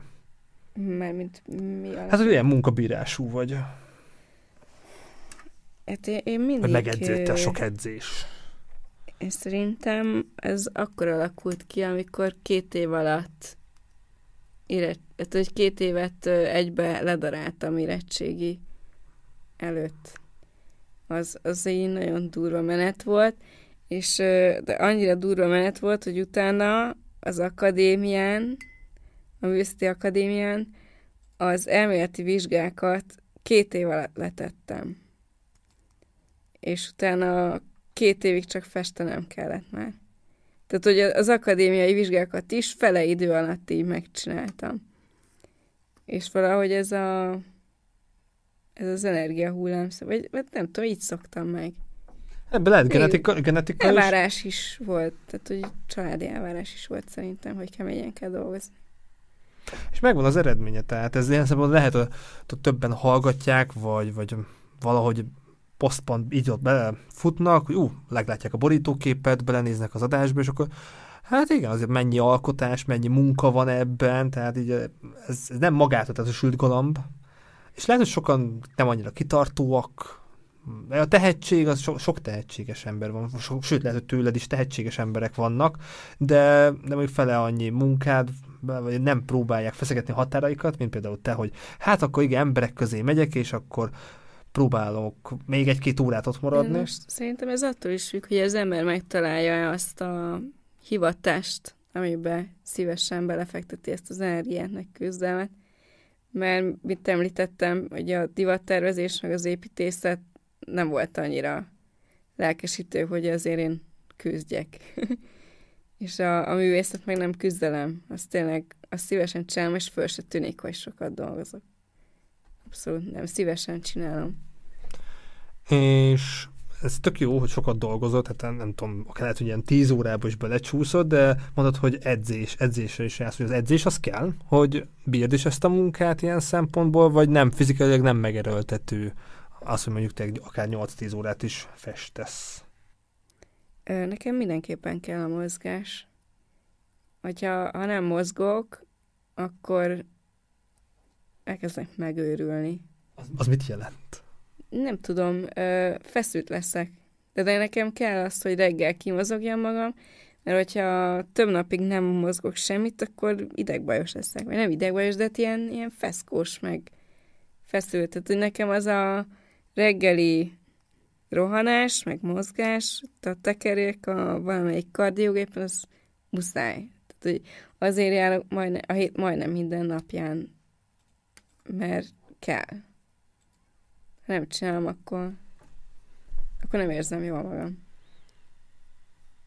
Tartsd meg jó szokásra, tehát az aktív, a, a, vita, a vita life az tök fontos, csak uh, tudom azért, hogy Nekem például videóvágás volt, közben volt már majdnem, uh, majdnem így bealudtam, tehát de meg kellett csinálni, ébren tudok maradni, ez lehet, hogy az, mert én ápoló voltam, sokat éjszakáztam, meg én a színházi világban is, tehát éjszakázásban benne kellett maradni, hogy ezeket az ember így feszegeti, feszegeti, de a, benne van a workflow-ban és társai, tehát azért a komfortzónát lehet, lehet, meg hogyha élvez az ember a munkát, akkor, akkor tényleg így eléggé ki tudja tágítani a határokat. Ez tök jó. Persze, persze. hogy, hogyha az ember szívesen csinálja azt, amit csinál, akkor föl se tűnik. És, és volt olyan, volt olyan periódus, amikor így hmm, annyira nem élvezted, így vissza tudsz erre emlékezni? Mondjuk volt De... csuklófájás, bármi, és akkor... Nem, nem, hát amilyen ilyen uh, improduktívabb időszak, az csak uh, érzelmi okokból maximum. És nyaralás? Nyaralás, ez az, mit értesz? Az akkor se festesz, gondolom, ja, de így produktív. Nem, de igazából annyit nem nyaraltam, hogy ezt a két laki életet fenn kell tartani, tehát arra már nem mindig jut. És a két laki, ez tök hogy felhoztad, hogy ez mennyire nehezíti meg, vagy mennyire jó? Tehát ilyen pro és kontra szempontjából, hogy Budapest és Bécs között, itt, ahogy nem tudom, az már mikrofonon kívül, hogy ilyen 50-50 százalékban, vagy úgy fogalmaztad meg, hogy ez, Igen. ez mennyire jó, mennyi előnye, mennyi hátrányjal jár? Mennyi előny? Hm. Meg ezek nem nagy távolság, tehát Amerikában, vagy bárhol nem, azért... nem nagy távolság, és ö, Magyarországon talán előnynek tekintik, hogy ö, nyugatabbra is tevékenykedek. Nem is tudom, nem tudom. Szerintem minden... Igen, így, így alakult, és nem... Nem, nem is merült fel, hogy ez így akkor fixen Bécsbe költözött, tehát ez mindig is így, így volt nem, ideális. Én, én, én, amikor kikerültem Bécsbe, az egy kicsit véletlen, hogy ide felvételiztem. Na miért? Miért mondasz, hogy Mert- véletlen? Ö, mert hogy amikor Magyarországon le kellett volna adni a felvételire a jelentkezést, akkor még nekem nem voltak meg a 12. osztályos féléves jegyeim, amik kellettek a jelentkezéshez. Hm, Mert hogy magántanul voltam, és két évet daráltam egybe. És emiatt nem tudtam jelentkezni, tehát mindenképpen elvesztettem volna azt az egy évet, amit nyertem. És anyukám találta meg az interneten, hogy a Bécsi Akadémián viszont szeptemberben van a felvételi, és rögtön októberben kezdődik. És akkor én szépen jöttem szeptemberbe. Nem is gondoltam, hogy föl fognak venni, mert nagyon kezdő voltam, nem tudtam, tehát hogy ugye Budapesten aktrajz, fejrajz, kockarajz, az a felvételi, hát nekem ez közel távol nem ment. És gondoltam, hogy itt is ez lesz. De nem így volt, hanem le kellett adni egy mappát a saját műveimből, és azt nézték, hogy milyen ötleteim vannak. Nem azt, hogy hogy vitelezem, hogy, hogy tudom megcsinálni. És behívtak az első körre, után, ugye a, be, a válogatást az, azt uh, sikerült, és utána kaptam egy asztalt, meg egy széket három napra, és nem mondták meg, hogy mit csináljunk. Azt mondták, hogy három napig azt csináltok, amit akartok, három napon belül valamit prezentálni kell. És akkor itt elkezdtem akkor ugyanúgy festegetni a dolgaimat, és jött a professzor, nézegette a képeimet, és ugye a harmadik napon már a második képet már nem tudtam befejezni, de így látta, hogy ez, ez jó, amit csinálok, és tulajdonképpen már ott közölte, hogy, hogy köszönt az osztályába, hogy fel vagyok véve. Meg se kellett várni a eredményhirdetést. És ugye ez, ez volt szeptember utolsó hetében, és október 1-én kezdődött. És nem volt lakásom. a koleszok már fújt tele, úgyhogy ilyen hatalmas mázli volt, hogy találtunk egy Földszinti. földszinti egyszobás lakást. Én még ezt nem értem, én nem tudtam ezt, hogy ennyire nem szeretik a pécsek, ezt az egyik interjúban mondtad. Szerintem semmi baj sincs a földszinti lakásokkal, de lehet, hogy te olyan emberekkel találkoztál, vagy olyan, olyan É, Ne, szerintem a, föl, a földszint az mindenképpen a szegénységgel kötik össze, szerintem. Valószínűleg azért. Meg igazából, amikor nyit, ugye ny- nyitva tartottam az ablakot nyáron, akkor akkor mindig lát érdekes dolgokat az ember. Meg egyszer bedobtak egy zahertortát az ablakomon. Gyerekek. Ez vicces volt. Ez tényleg így vicces. Igen. És akkor visszatérve is, uh, kicsit így nyugat fele Igen. terjeszkedtél annó, meg még mindig megtartod, meg hogy mondod, hogy angolul hallgatsz podcasteket, hogy messzebb amúgy, így próbálnál kapcsolatokat építeni, Franciaország, Amerika, bármerre, hogy ilyen célok vannak?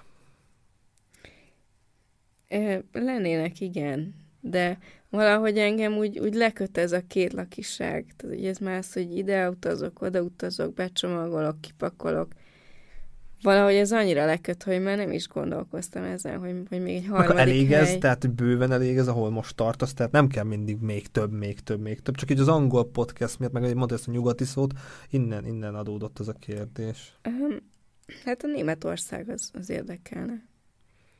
Ugye németül meg angolul tudok jól, Hát ez a lefed, az egész fel, az angolul lefed. igen, igen, igen, persze az angol, persze, de engem érdekel, igazából a Svájc érdekelne.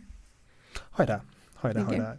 És itt az egyetemet mondtad, de az egyetemmel kapcsolatosan, hogy megmondtad, hogy figyeled, mik az aktualitások hatással vannak rád, hogy az egyetemi társaidról tudsz, ki hol tart, előtted, mögötted vannak hozzád képes, tehát így tudsz ebből egy általános konzekvencia, vagy konklúziót leszűrni? A Művészeti Akadémián a legnagyobb a szórás. Tehát szerintem És sokan kívül nem bármelyik- fejezték be? bármelyik szakot nézzük, a művészet az, ahol a legtöbb ember kiesik. És az, akikkel én kezdtem tanulni, én már egyről se tudok. Olyan van, akiről, akivel egy év folyamon tanultunk, és tudom, hogy jól megy neki. De Ez eléggé lelombozó szám. igen, de úgy, úgy mindenki mindenkit ismert, tehát nem csak a saját évfolyamomat ismertem, hanem mind a négy-ötöt. Uh-huh. Öt, mert hogy valaki tovább tanult egy évvel, vagy akár kettővel, mert jobban megérte diáknak lenni.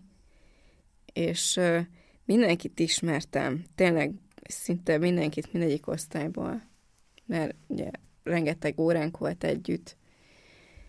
És hát szerintem így tényleg a négy, négy-öt évfolyamból hát öt-hat nevet tudni mondani, akiről tudom, hogy még mindig tényleg aktív, és csak ebből él. Hát itt a piac is fontos, mondjuk mennyit tud tartani, fenntart, mennyire van szükség a piacnak, meg ki mennyire ambíciózus, persze ez összetett. Igen, persze, mert volt olyan, aki már az egyetemen nagyon befutott, és nagyon magassárai voltak, és most már nem tudom, hogy hol van. És ő, van, aki meg, hogy évekig nem tudtam, hogy mi lehet vele, aztán hirtelen egy múzeum Angerlénerbe föltűnik, hogy ja, hogy akkor mégis létezik, és mégis a csúcson landolt.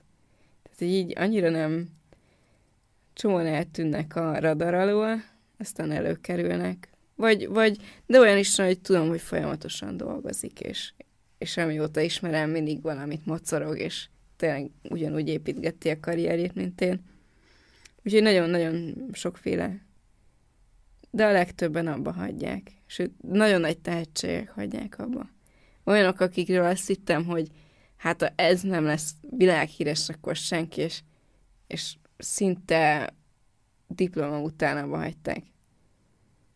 Úgyhogy tök fura, hogy, hogy tényleg nem csak azon múlik, hogy valaki tehetséges, hanem kell hozzá az a személyiség, és szerintem ők belátták, hogy a személyiségük nem alkalmas arra, hogy ezt az utat végigvigyék. Vagy az anyagi helyzetük. Nem tudom. Mert ugye azért ez, ez bírni kell. Te például dolgoztál mellette, hol, amikor még nem, nem indult be úgy a, a befutott szót mondtál, tehát nem, nem siker, vagy siker, lehet, hogy siker, Befutott, befutott, hogy akkor mellette voltak ilyen, ilyen lúti-futi droid munkák, bármik, amik... Nem. Nem, kezdettől fogva, majd tizen, ha jól emlékszem, 16 évesen volt az első kiáltásom, vagy 17, a Múcius Galériába Budapesten. És ugye ő, ő adta el ugye első művemet 45 ezer forint. Ha valaki tudja, hol van. Igen. Ö, és valahogy úgy, úgy mindig felszívott annyira a galériás élet, még akkor is nagyon küzdelmes volt eleinte, mert tényleg piszok nehéz volt bejutni galériákba, és nagyon sok elutasítást kaptam, és nagyon nehezen indult el, de valahogy mégis mindig annyi volt, hogy, hogy az elég legyen. De hát akkor még nem voltak akkor a költségek. Hát ugye az az egyszobás 50 négyzetméteres lakás, meg, meg a diák élet, nem? Ugye volt a szülői támogatást, nem, valahogy összeállt mindig, nem volt probléma. Aztán mondjuk olyan, olyan 20, 24 éves korom óta azt hogy teljesen egyedül intézek mindent. Itt, itt a galériákkal való harcot, vagy az ő kegyeik keresését, ahogy említetted meg korábban is, hogy hú, most kikerülni a galériát, meg ők ilyen nagyon dílerek, hogy amúgy milyen a, akár a te egyes szem, első te viszonyod, így a, a galériavezetőkkel, vagy így a szakmának így a galéria, vagy ez azért kéz a kézben, meg igen, egy hajóban nevezünk, vagy azért mindenki ki akarja kaparni a saját gesztenyéjét, ez így hogy néz ki? Hát attól függ, melyik galeristáról beszélünk. Tehát, hogy általánosságban nem... Ne, ez, ez ö, nem is... Ö, szerintem azt kell nézni, hogy passzolnak-e a karakterek. Tehát, hogy, hogy a, a galerista is olyan, hogy, hogy lehet, hogy velem nem annyira jól jön ki, mint egy másik művésszel, aki most nem jobb, nem rosszabb, csak jobban passzol a személyiség. Szerintem nagyon fontos, hogy egy, akik együtt dolgoznak, azoknak a személyisége közelebb álljon. Akkor jobban megértik egymást. Erre gondoltál? De itt a, engem az érdekel, hogy összesében azért arra törekszik mind a két fél, hogy mindenki jól járjon, vagy azért itt azért az egók azért harcolnak, meg mindenki a saját, saját malmára de próbál. Mondom, hogy ez, ez galerista függő. Van, aki van, aki egy piszkos vérszívó. Találó megfogalmazás. Igen, a felháborító kategória, és, és vannak nagyon jó fejek, akik te, tényleg, akikkel egy életen keresztül lehet dolgozni, és akik megbízhatóak. Csak őket meg kell találni, tehát nem hip-hop. Igen, meg kell találni, és, és amúgy, hát most már eljutottam arra a pontra, hogy engem keresnek emberek, és van, hogy rögtön két hét után tudom, hogy ezt hiba volt elkezdeni. Sajnos van ilyen is. Tehát hogy... ez, hogy az emberismereted jobb lett, meg, meg így a szakmát is egyre nagyobb terítékben látod, sokféle mm. fajta galériásat találkozol. Ez valamit nem lehet, a rutin nem lehet így átugrani ebben is szerintem. Ö, hát nyilván, nyilván kell hozzá az emberismeret, hogy, hogy ki tudjam szűrni, hogy mi az, amibe érdemes belefognom, és mi az, ami már visszahúz, vagy, vagy nem fog működni. Igen, de ez, ez is élettapasztalat kell hozzá. Ez is meg kell tanulni. Ezt tök nem mondod azt, hogy na igen, nagy többségben ilyenek, akár negatív értelme, vagy nagy többségben pozitívak? Tehát így nem, nem, nem, tud... nem. Nem, de még a, a, ha azt mondom, hogy vérszívó, ott is vannak fokozatok, tehát az is egy skála. Tehát van olyan, van olyan aki, akivel már nem állok szóba, mert hozzá kis ujjamat, hogy nyújtom, ne harapja a karomat. Hogy az, az nagyon nem. És de, de és aki normális, az, én azt szerettem megtartani hosszú távon, nyilván akivel jó együttműködni, és, és mind a kettőnknek megvan a maga bevétele a dologból. Hát igen, a keske is, meg a káposzta is. Igen. Tehát, Ja. Hát csak így kinek, miért, hogy annyiféle fajta szituáció lehet, hogy kinek milyen hitelje van, vagy, vagy hova tartozik, vagy mi tartozik, vagy mit, ak- mit akar, milyen egzisztenciája van, így Covid után, tehát egy rengeteg, rengetegféle fajta uh, Igen, igen. Szituáció. Nyilván, nyilván a Covid alatt is voltak galeristek, akik volt egy-kettő, aki hónapokig nem fizetett, de de szerencsére meg tudtam oldani, és nem, nem is csináltam belőle drámát, mert hogy tudtam, hogy, hogy ilyen helyzet van. És hogy én meg tudtam oldani a saját sorsomat, és később megfizették nekem. De nyilván nem kellemes, de tehát az ember megértő. Még bebbe így belemeltünk, tehát így érdekelne az, hogy tehát volt hideg meg meleg élményed is, hogy így a pályafutásod alatt azért még akár a papírmunka, de Igen. vannak olyan pontok, amik így nagyon fogcsikorgatósak voltak, így a papírmunkat mondjuk akár az adózást értem, és nem is akarok a most aktuálisba belemenni, de ami így mert tudod, sokan, ó, hát csak festegetnie kell, de itt azért most van egy podcastben időnk beszélni, Igen. hogy azért árnyaljuk, árnyaljuk a dolgot, hogy mennyibe kerül, vagy miért is kerül annyiba egy-egy festmény, hogy e, ilyen szempontból voltak még kihívások, amik, amik igen próbára tettek? Hát ezen gondolkoznom, hogy nagyon próbára tett. Nyilván a művészetnek az üzleti fel... Hát még mindig itt vagy, még mindig csinálod, tehát... Én mindig nem... csinálom, persze. De, de mondom, hogy az üzleti oldalába is azért tanultam bele, hogy csinálhassam, ugye, de, de nekem valahogy azért üzleti vénem nem, nem volt. Tehát lehet, valami, lehet, régebben átvertek, vagy... Átvertek. Hát volt, nem, nem azért annyira... Hát figyelj, hogyha van átvételi elismermény, meg árdist, akkor nem nagyon... Akkor mit ver át?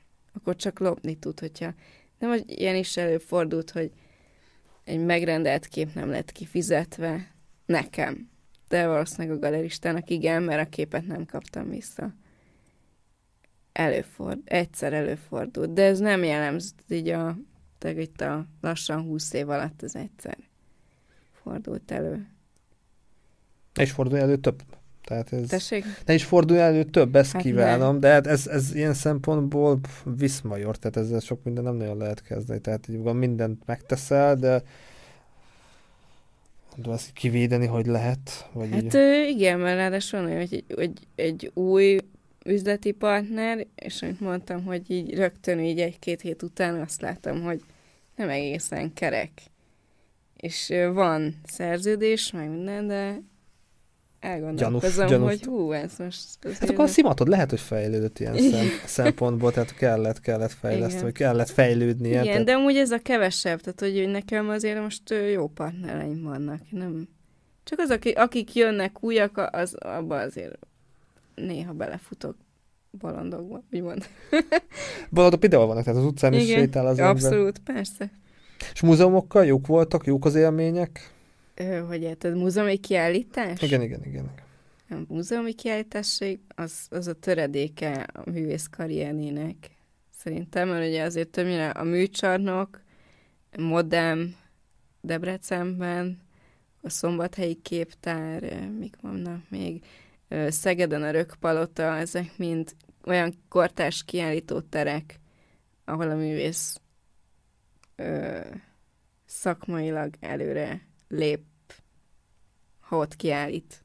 Erre gondolsz? Itt majd az, hogy mondjuk, ö, mennyi időd volt, mennyire lepett meg, milyen furcsaságok voltak, tehát hogy mutassuk be, hogy mondjuk milyen, mivel jár egy múzeumban való felkérés ott kiállítani.